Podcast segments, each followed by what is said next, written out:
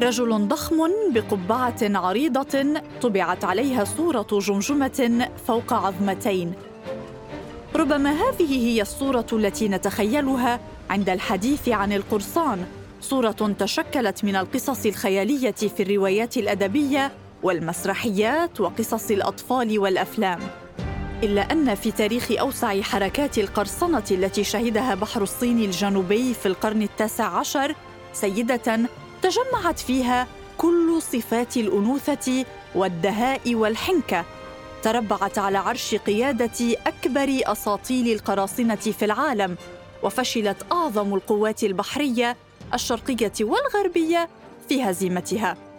القرصانة جينغشي ملكة قراصنة بحر الصين أنشأت إمبراطورية القراصنة في بحر الصين الجنوبي.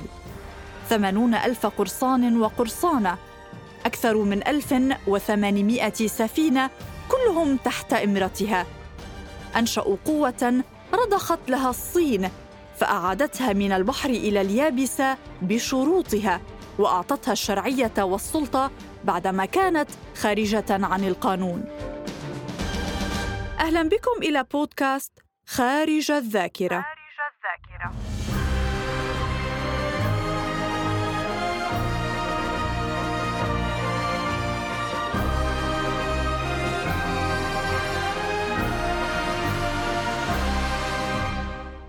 شهدت بداية القرن التاسع عشر توسعا كبيرا في حركة القرصنة في منطقة بحر الصين الجنوبي. فالازدهار التجاري حينها الذي أنعشه افتتاح ممرات تجارية جديدة إلى الشرق الأقصى ضمن خط الحرير الذي ربط الصين بجنوب آسيا حتى أوروبا والشرق الأوسط جعل من هذه المنطقة إحدى أكثر المناطق غنى بالقوافل البحرية المليئة بالبضائع والموارد. هذا الأمر بدوره كان جاذبا لقراصنة البحار الذين عاشوا على متن قواربهم وامتهنوا سرقة السفن المحملة بالخيرات. شهد ذلك الزمن استخداما واسعا لسياسة ضم الأراضي من قبل حكومتي الصين وفيتنام ما تسبب في إفقار المزارعين ودفعهم نحو البحر للبحث عن مصادر رزق جديدة حيث أصبحت القرصنة الوظيفة الأسهل للكثيرين وتحول بحر الصين الجنوبي إلى عاصمة للقراصنة على شاطئ ذلك البحر عملت الشابة العشرينية جينغشي في أحد بيوت الدعارة العائمة في مقاطعة غواندونغ الساحلية.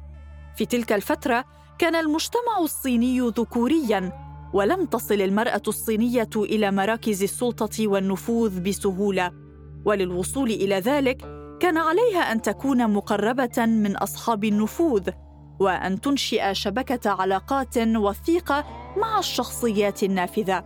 وعلى الرغم من حظوظها القليلة كانت شي طموحه جدا وتقتنص الفرص.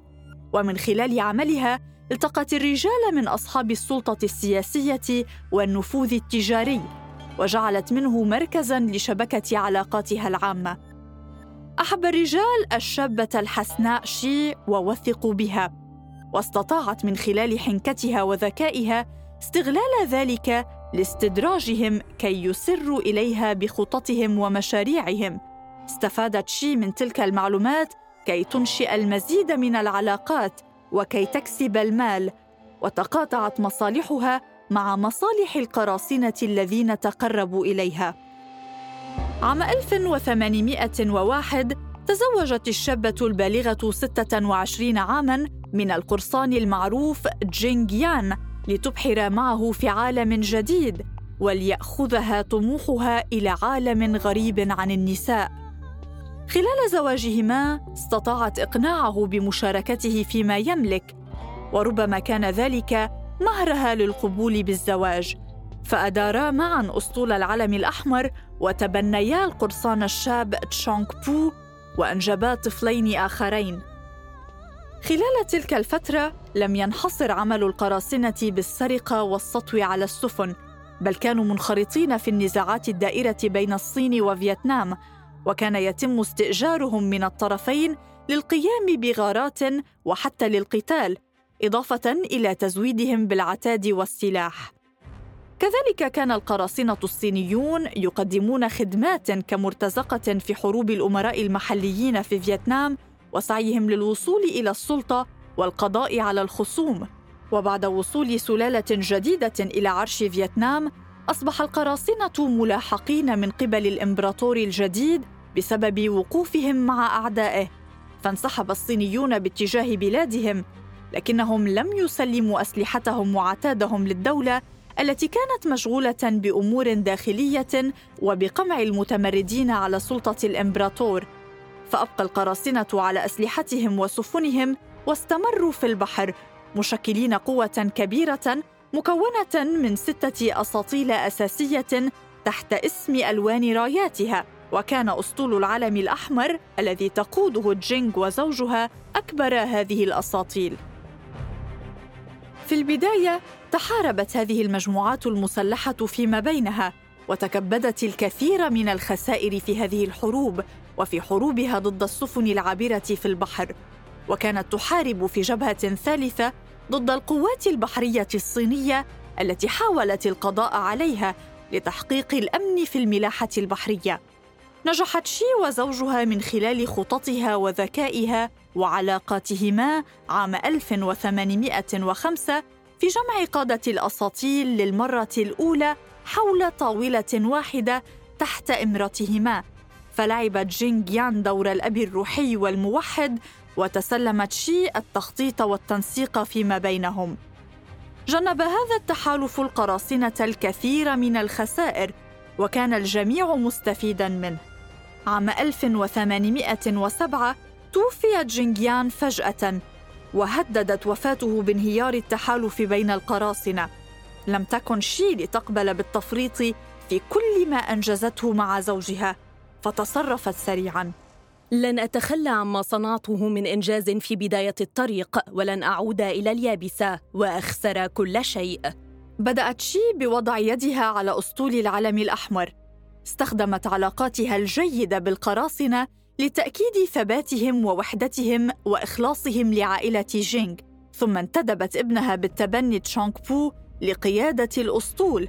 ورغم كل جهودها وقيادتها كانت شي بحاجة إلى صورة الرجل في القيادة. وثقت شي به فهو إضافة إلى خبرته مدين بكل ما يملك لعائلة جينغ.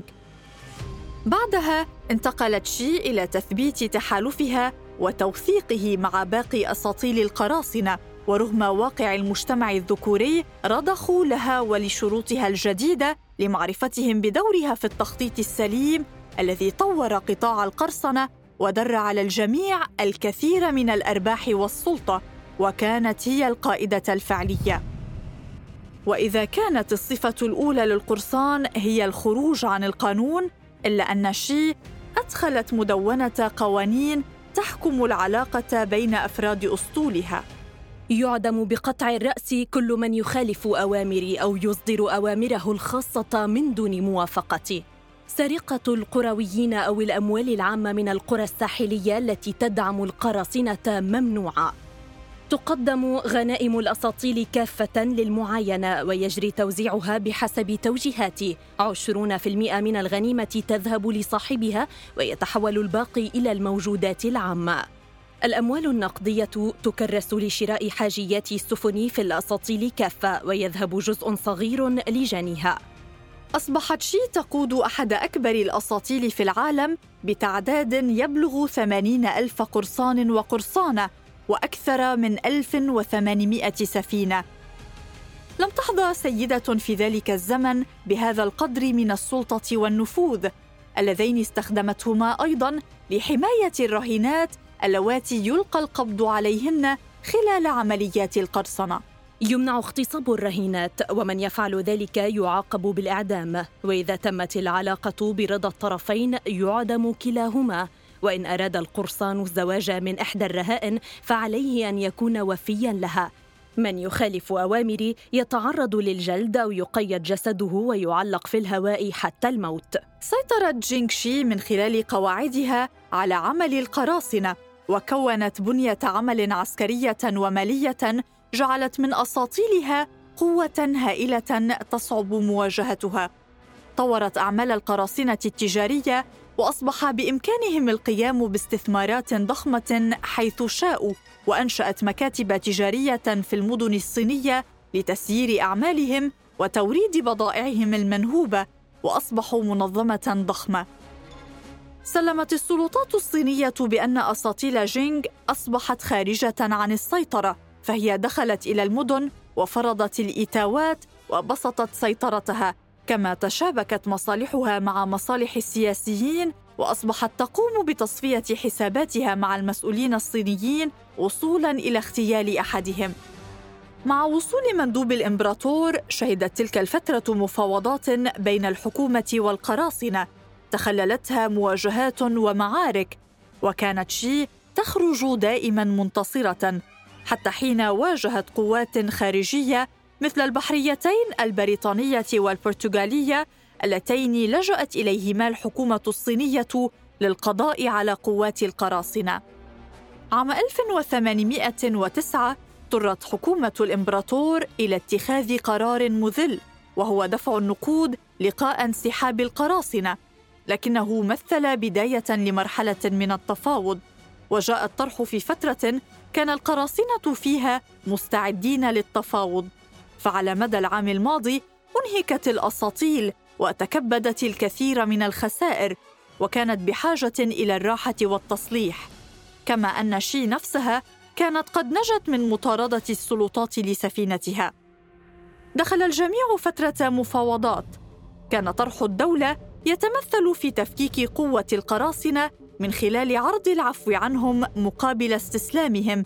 والسماح بإبقاء القراصنة على ما سطوا عليه فقط. لكن شي علمت بأن لها اليد الطول في المفاوضات. وفي عام 1810 رست في ميناء كانتون مسلمة شروطها لبايلينغ. هذه الشروط أثارت استهزاء الجهات الصينية في بادئ الأمر لكونها مبالغا فيها وتصب جميعها في مصلحة القراصنة. إلا أن هذه السخرية سرعان ما تحولت إلى إذعان حين أمرت شي قواتها بالسير في مخططها للهجوم على دلتا اللؤلؤة والسيطرة عليها فرضخت السلطات الصينية لجميع شروطها التي تضمنت إعفاء جميع القراصنة من المحاسبة والعقاب والإبقاء على كل الغنائم وبعض السفن والحصول على وظائف رسمية في الدولة. في النهاية تقاعدت شي وتركت أعمال القرصنة وتزوجت ابنها بالتبني تشونغ بو الذي أصبح مسؤولا حكوميا رفيعا وأنجبا طفلين. بعد 12 عاما توفي بو وأنشأت شي بيتا للقمار ثم عملت القرصانة المتقاعدة في مجال تجارة الملح ومن بعدها مستشارة عسكرية خلال حرب الأفيون. عام 1844 توفيت جينغشي في مكاو عن عمر 69 عاماً محاطة بعائلتها وبتلال من الكنوز والمال. شهد بحر الصين الجنوبي مراحل مهمة من الأحداث التاريخية والصراعات في منطقة شرق آسيا، ومرت فيه أضخم الأساطيل العسكرية والتجارية لأعظم الدول، لكن شي نجحت في أن تترك فوق أمواجه بصمة خالدة لتبقى أسطورة ملكة القراصنة إحدى أعظم قصصه التي أرعبت الإمبراطورية وأخضعتها. بودكاست خارج الذاكرة إعداد وتقديم سارة خازم إشراف بلال عبود إخراج حسين حجازي